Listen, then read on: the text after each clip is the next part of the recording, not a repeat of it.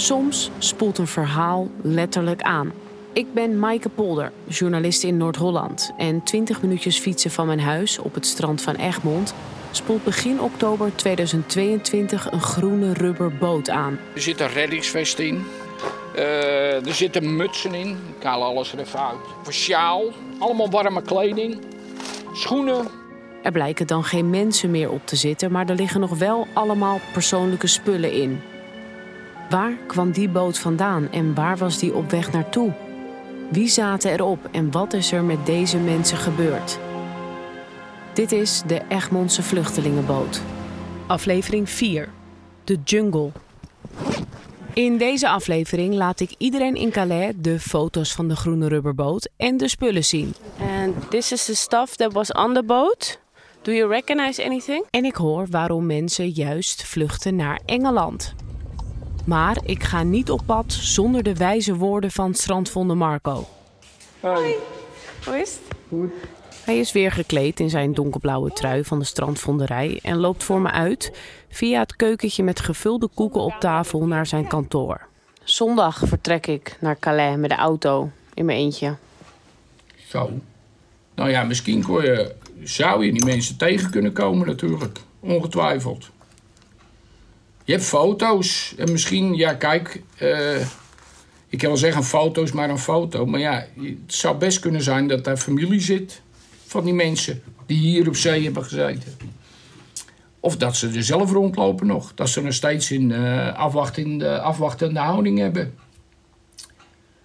Want je ziet het hier in, uh, natuurlijk in Nederland ook. Sommige mensen zitten een jaar in zo'n kamp... voordat ze uiteindelijk onderdak krijgen. Ik zou wel uh, weten waar ze opgepikt waren op zee. Hoe dat gegaan is en zo. Met de douane en met de kustwacht. En dat ze alle spullen achtergelaten hebben aan boord. Dat, ze, dat dat allemaal te gehaast is gegaan. Of dat het, ja, met geweld, noem maar op. Je kan het zo gek bedenken. Of ze uiteindelijk erop vooruit zijn gegaan.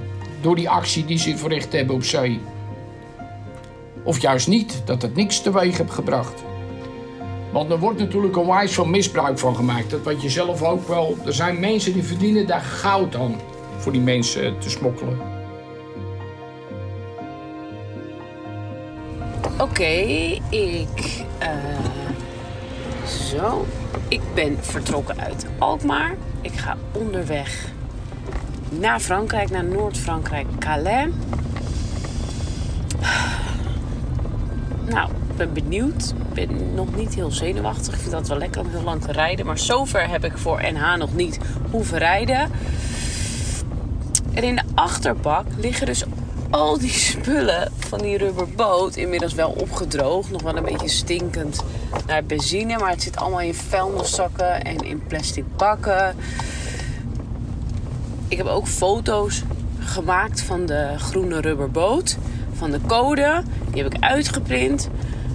Um, die wil ik eigenlijk laten zien aan mensen of aan hulporganisaties of ze iets herkennen. Misschien wel aan, aan vluchtelingen die ik spreek. De plaats Calais ken je misschien wel, want in 2015 wordt die stad wereldnieuws.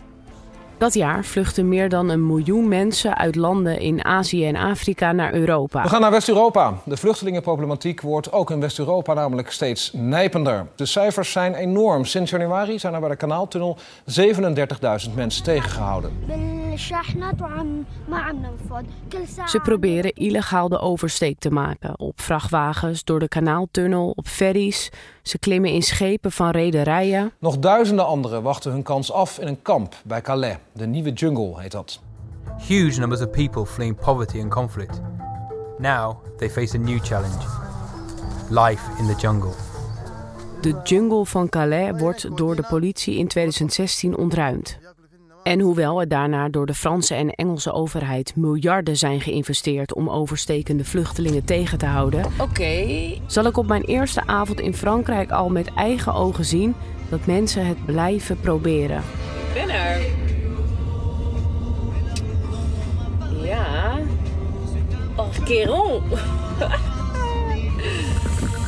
Ja, ja, ja, ja. Ik spreek nauwelijks Frans en daarom gaat fotograaf Steven Wassenaar met me mee. Hij woont al 30 jaar in Parijs, kent Calais van zijn werk en weet van mijn zoektocht. Ik haal Steven op bij het station waar hij aankomt met de hoge snelheidstrein. Samen hopen we hier een spoor te vinden van de mensen van de rubberboot in Egmond. Hallo! Daar is hij. Hoi. Hoe is het? Ja, alles goed. Ja? Ja, goede reis gehad hoor. Ja. Oké, Ja. mooi.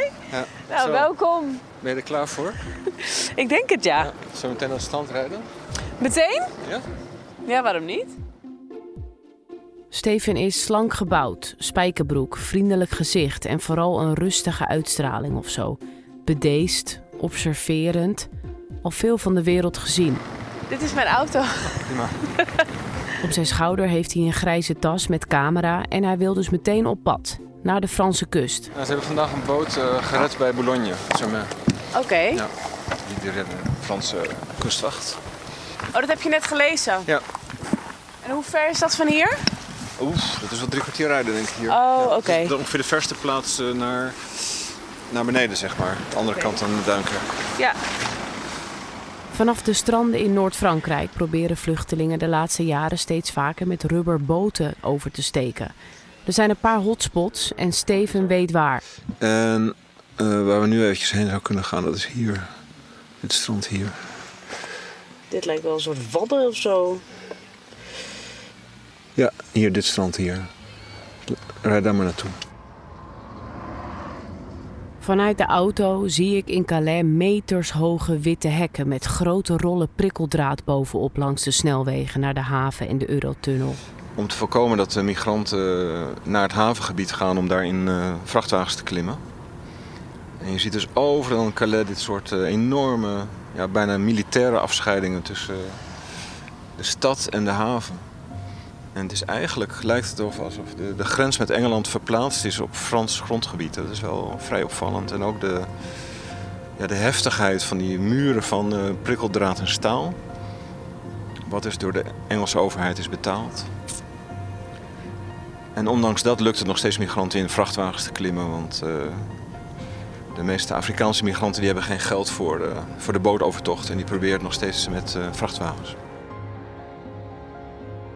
Op de plek van de grote jungle tien jaar geleden en ook op andere openbare velden en stoepen in de stad liggen nu grote rotsblokken. Ja, je hebt eigenlijk gewoon de weg. Dan heb je de stoep. Ehm, en daar liggen dan rotsblokken op van eh, nou ja, bijna een vierkante meter, zeg maar. Die liggen dan met een meter uit elkaar. Ligt die aan de zijkant helemaal vol. Ja, hier stonden vroeger tenten en daar ook in het bos. Wat ook goed, eh, goed is afgeschermd. Aan de andere kant van de weg heb je inderdaad een hoog zwart hek van eh nou ja, 2 meter ongeveer, 2,5 meter hoog. En daarachter dan wel allemaal bomen, dus dat zou dan... Waarom willen migranten daar per se een kamp opbouwen? Nou, ze zoeken een plek wat niet te ver is van de hulpverlening. Voor de, voor de maaltijden en zo. En ook niet te ver van de haven, zodat ze makkelijk toegang hebben tot, eh, tot vrachtwagens. En ze willen natuurlijk het liefst in grote groepen bij elkaar kamperen, want dat, dat geeft een zekere vorm van veiligheid. En ook de viaducten hier hebben meer weg van een gevangenismuur. Omdat vroeger migranten vanaf zo'n viaduct gewoon op de vrachtwagen sprongen. En dan eh, met een mes maakten ze het, eh, het doek kapot en dan s- glipten ze in de, in de vracht, zeg maar. En via die, die versperringen proberen ze dat nu ook dat te voorkomen dat dat gebeurt. En eh, ik heb een keer een migrant gefotografeerd hier die een paar dagen later ook op zo'n vrachtwagen is gesprongen en daar vanaf is gevallen en, en is overleden toen. En dat, eh, dus het is gewoon echt heel gevaarlijk. We rijden het centrum uit naar het noorden, richting Duinkerken.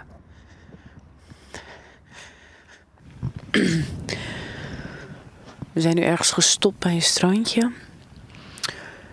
En dan loop je een, eh, nou, een meter of vijftig door het duin naar het strand. Dan heb je een heel breed strand. Ik kan eigenlijk niet eens de zee zien, zo breed is het. En het wordt ook al wateriger, dus ik loop nu ongeveer op de hoofd, denk ik, van het stuk strand. Het begint ondertussen een beetje te schemeren en Steven loopt alvast wat vooruit. Maar op een meter of vijftig voor me stopt hij ineens en steekt zijn hand op. Echt? Holy shit. We zagen in de verte een zwart, nou ja, langwerpig ding liggen. Dus we lopen er nu naartoe. Volgens mij riep je dat het een boot is. Ja, Voor ons, half onder water, ligt een rubberboot. ai. Het is er eigenlijk precies zo een als in Egmond is aangespoeld. Maar deze is zwart. Maar helemaal een beetje opgevouwen. Alsof hij lek is. Er ligt nog een zwarte deken op.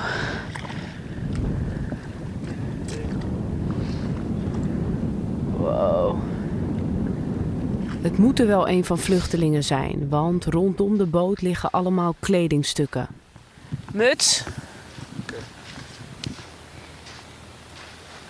Dan zouden ze misschien hier ergens zijn opgestapt of zo. Kijk, hier ligt nog veel meer. Wow. Oh. Handschoenen. Jezus. Echt. Het is echt bizar gewoon. Een roze muts met zo'n wollig bolletje erop. Handschoenen in een kindermaat. Een t-shirt. Een reddingsvest. Een onderbroek. En half onder water ligt een bruine wandelschoen zonder zool. Ik vind de schoen op een, een of andere manier het zo tastbaar maken altijd. Nou, wat, eh, wat doet het jou om zo'n boot hier te zien? Ja. Nou, ik zit te bedenken. Of, of dit dan een boot is die al in actie is geweest. Of dat bijvoorbeeld mensen er nog naartoe moeten of moesten gaan. Ja, en ik probeer me gewoon in te beelden.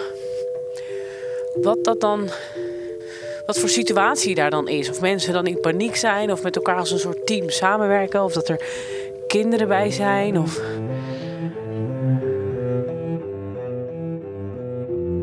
Het antwoord op die vragen komt er van twee gedaantes die opdoemen uit de duisternis. Hengels op de rug, waadpakken aan. Het zijn Franse vissers. Wil jij vragen of ze iets hebben gezien? Bonsoir. Vous demandez quelque chose vous avez, vous avez vu le, le, le bateau là-bas Oui.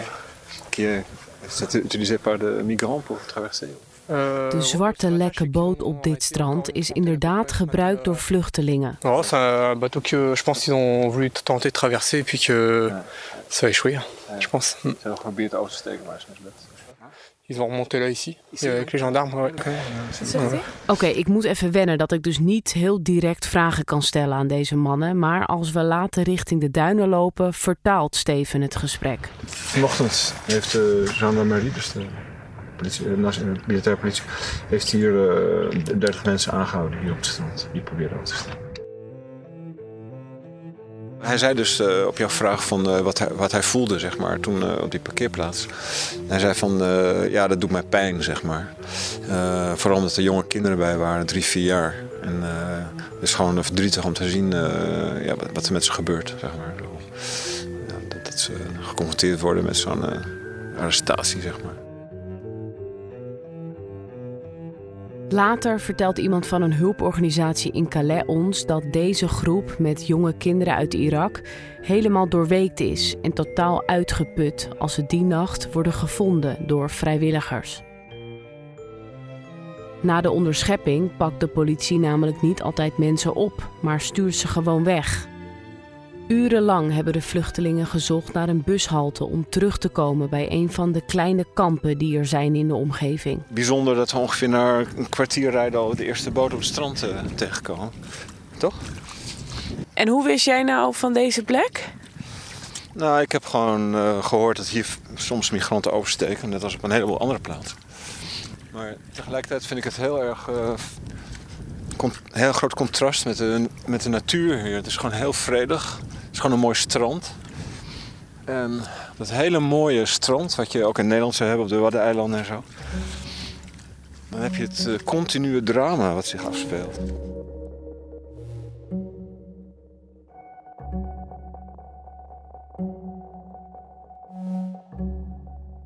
Na een nacht slapen in een hotel in het centrum van Calais rijden Steven en ik weer naar zee.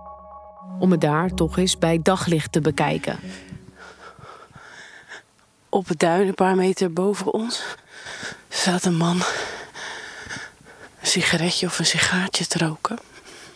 Hij kijkt een beetje om zich heen. Je m'appelle Maaike.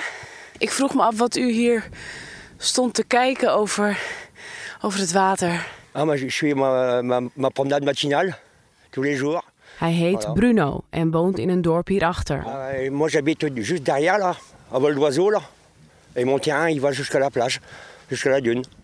En tijdens zijn dagelijkse wandelingen op het strand ziet hij heel vaak leeggelopen rubberboten, vertelt hij.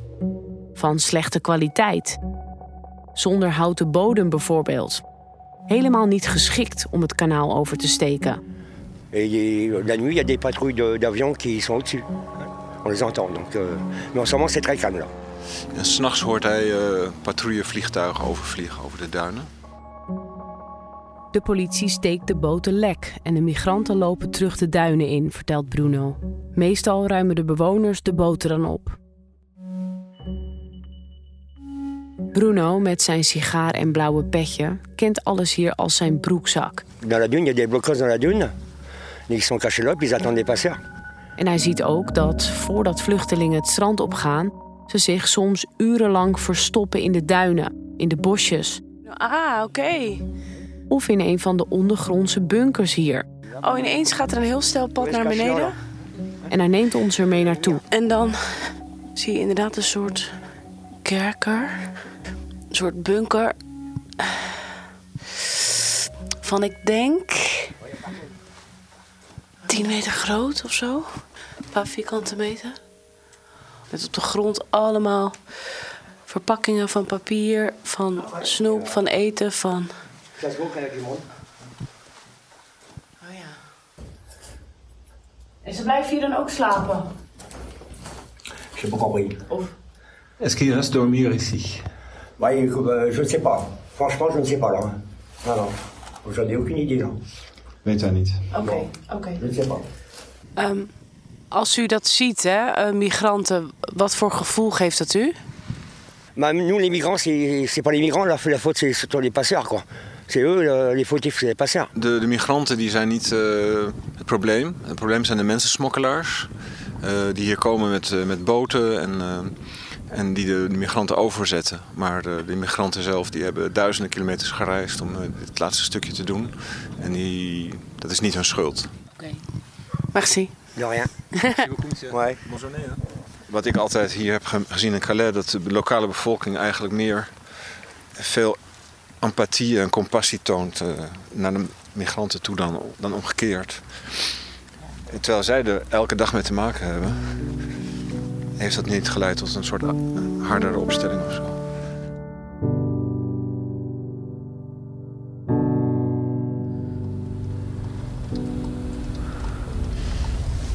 Nee, ga maar niet hier, want eh, hier moeten ze zelf wassen. En eh, zet maar ergens waar we ze niet tot last zijn, denk ik.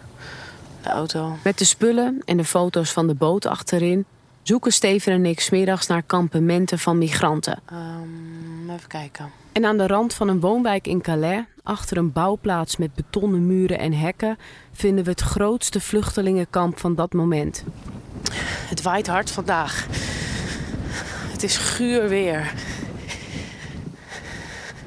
Het is nu wel droog, maar het heeft duidelijk eerder vandaag geregend. Overal liggen plassen. De hoge grasprieten zijn nat. De druppels hangen er nog op.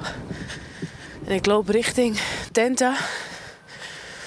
Sommigen met kleden eroverheen. Ja. Oh, dit is echt wel heftig om te zien, omdat die tenten ook allemaal zeiknat zijn. Hi. Drie jongens staan bij een eh, jerrycan. It's water? Yeah, water. Do you speak English a little bit? No, no. No? Arabic. Arabic. But Arabic. uh, as a friend, speak good. De grond ligt bezaaid met kledingstukken, tandpasta, verpakkingen, pannen, etensresten, plastic, jerrycans.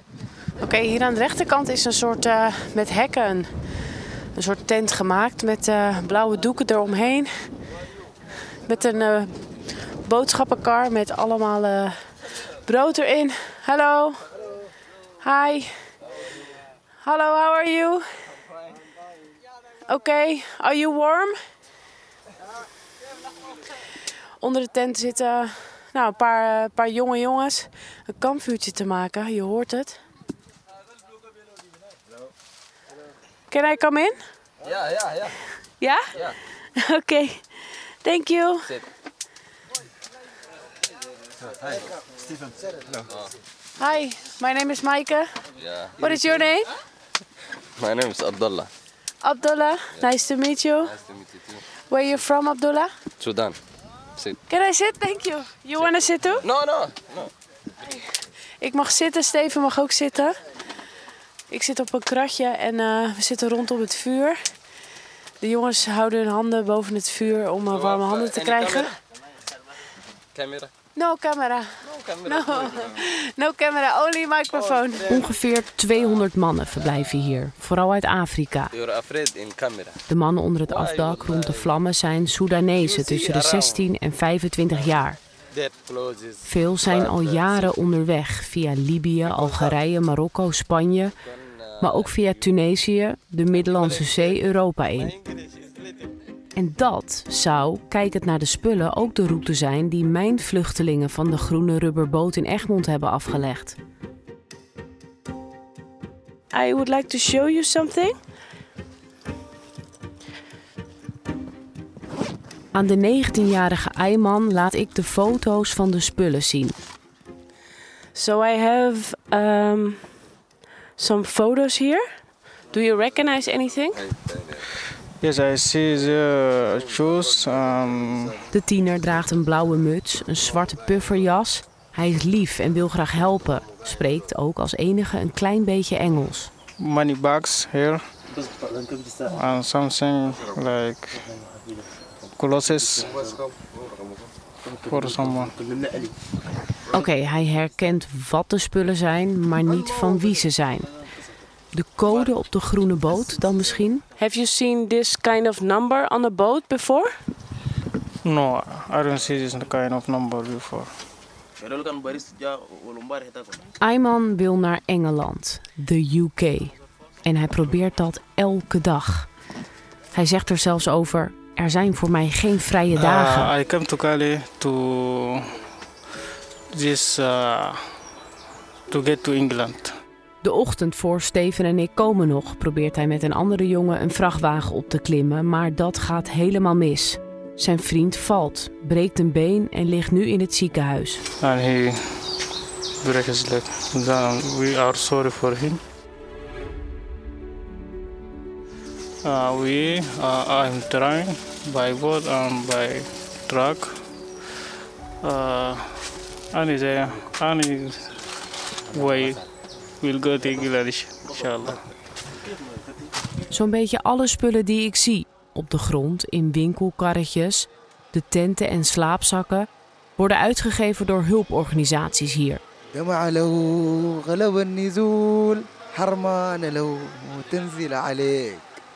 Tientallen vrijwilligers bemannen bijvoorbeeld eens per week een soort eerste hulpstation op centrale plekken in Calais en Duinkerken. Er staan grote aggregaten voor het opladen van mobiele telefoons. Er is eten, er zijn warme dranken, tandenborstels en andere toiletartikelen. En mensen die het nodig hebben krijgen medische basiszorg. Ja? En hier laat ik de medicijnen van de groene rubberboot uit Egmond zien aan de Duitse Jahan. Hij is coördinator van het First Aid Support Team. On the boat that washed up the shore in Egmond were some medicine or some strips of pills. Could you help me see what is this? Jahan is afgestudeerd arts en ziet wekelijks honderden vluchtelingen met huidaandoeningen zoals schurft en eczeem. Can you maybe hold the microphone? Yes, sure. Zware verkoudheid, kapotte voeten, benen en brandwonden. Oh, this is um, a special medication. It's a hormone for the thyroid gland. So many women have a problem that the thyroid is not producing enough hormones. Veel vrouwen hier, zo vertelt Jahan, hebben door stress een slecht werkende schildklier en nemen dan deze pillen die alleen te krijgen zijn bij een speciale kliniek. And they would take this kind of medication. It's not something you guys give. Uh, no, we don't have it. Dan de andere strip in het paars met witte doosje. Antibiotica, zegt hij. Um, this is an antibiotic um, that is usually taken for respiratory infections, infections of the skin or the teeth. Uh, this is also something we don't give out uh, because you need a prescription for it. Tot slot laat ik hem de zilveren met rode strip pillen zien, met daarop het woord Teheran, de hoofdstad van Iran. This looks like a medication that is not distributed in Europe. Um, it has some Arabic writing on it, so maybe they already brought it from their home country. Um, it's a medication that is usually uh, taken if people have problems with holding their urine. Uh, so I would guess it's a more elderly, middle-aged to elderly person that has taken it. Okay, thank you very much. You're welcome. Als hun mobiele telefoons zijn opgeladen, de mensen wat hebben gegeten en zijn verzorgd, lopen de vluchtelingen terug naar hun kamp. Can I see in de tent? Ik mag met hem eh, meelopen. Thank you very much. Thank you. Hij wil me laten zien eh, waar hij slaapt. Ik ben zo benieuwd hoe dat eh, eruit ziet en ruikt. En we lopen nu weg van de tent. Hij laat me nu zijn tent zien, een blauw tentje vlakbij het hutje waar we net zaten.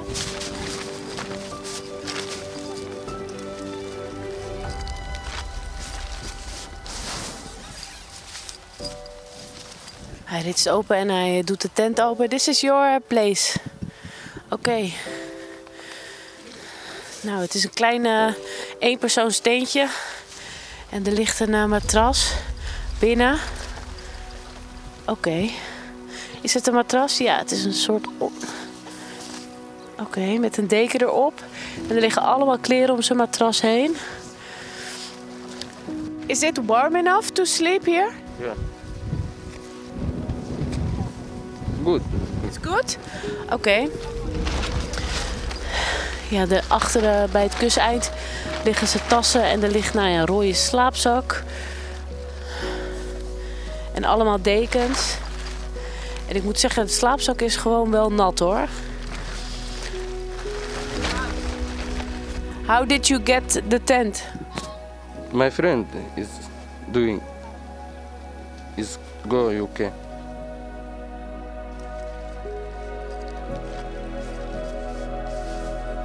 The UK, Engeland.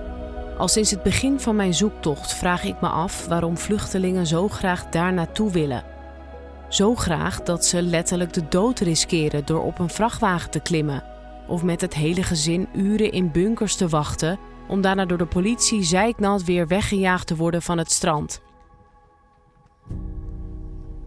Donc nous, euh, Utopia 56, notre... Op het kantoor van hulporganisatie Utopia 56 legt de Franse Adèle het uit. En Steven vertaalt dat weer naar het Nederlands. Waarom is Engeland voor deze mensen een utopie?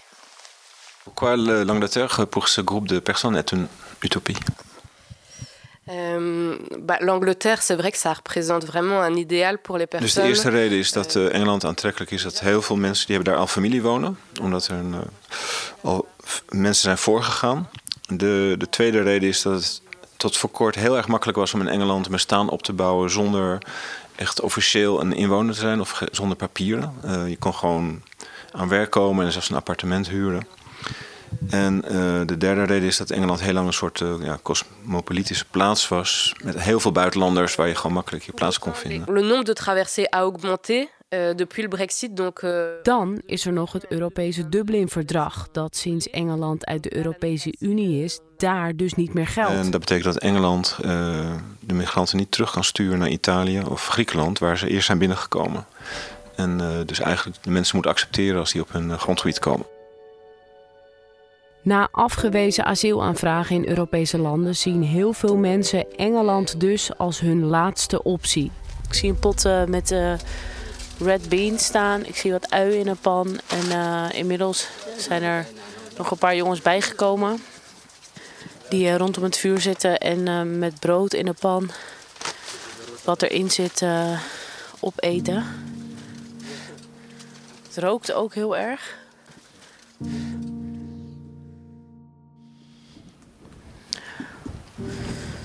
Vond dit wel heftig. Als we gedag hebben gezegd tegen Ayman en de andere jongens en ik in mijn eentje tussen de natte tenten loop, moet ik ineens huilen. Ik vond dit wel heel verdrietig, want terwijl hij aan het vertellen was, kwamen er zeg maar steeds meer mensen om hem heen zitten en hun handen warmen aan het vuur en het waait en het stinkt er. Die rook waait de hele tijd in hun gezicht. Het idee dat ik zo weer in mijn auto stap, weg kan rijden, lekker kan douchen in het hotel, van een kaart kan kiezen wat ik eet, het staat in zo'n groot contrast met waar deze soms echt nog jonge vluchtelingen mee te maken hebben. En op zich, die jongens zitten daar best wel met elkaar. Maar ze kunnen elkaar volgens mij ook niet allemaal verstaan. En uh, ja, het is zo zulk guur weer. En om dan zo'n groep jonge jongens te zien uh, die zeggen van we kunnen niet anders dan naar de UK gaan, want daar is het goed. Daar is het beter. Ik hoor van vrienden dat het daar goed is.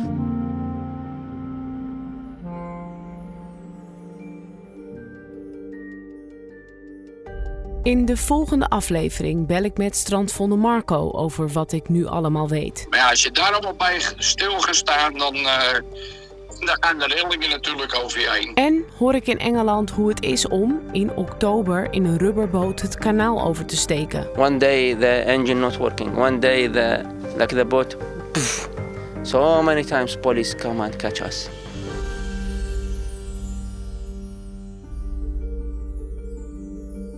De Egmondse Vluchtelingenboot is een podcast van NH Media. De research en het scenario zijn van mijn hand, Maaike Polder. Montage en audio-nabewerking deden Dirk de Boer, Bart Slim en Studio Haring. En eindredacteur is Laura Gremé. Abonneer je op deze podcast in je favoriete podcast-app. Dan krijg je vanzelf een melding als er een nieuwe aflevering is. En laat ons ook meteen even weten wat je van de podcast vindt. We stellen jouw mening op prijs, dus laat vooral een recensie achter.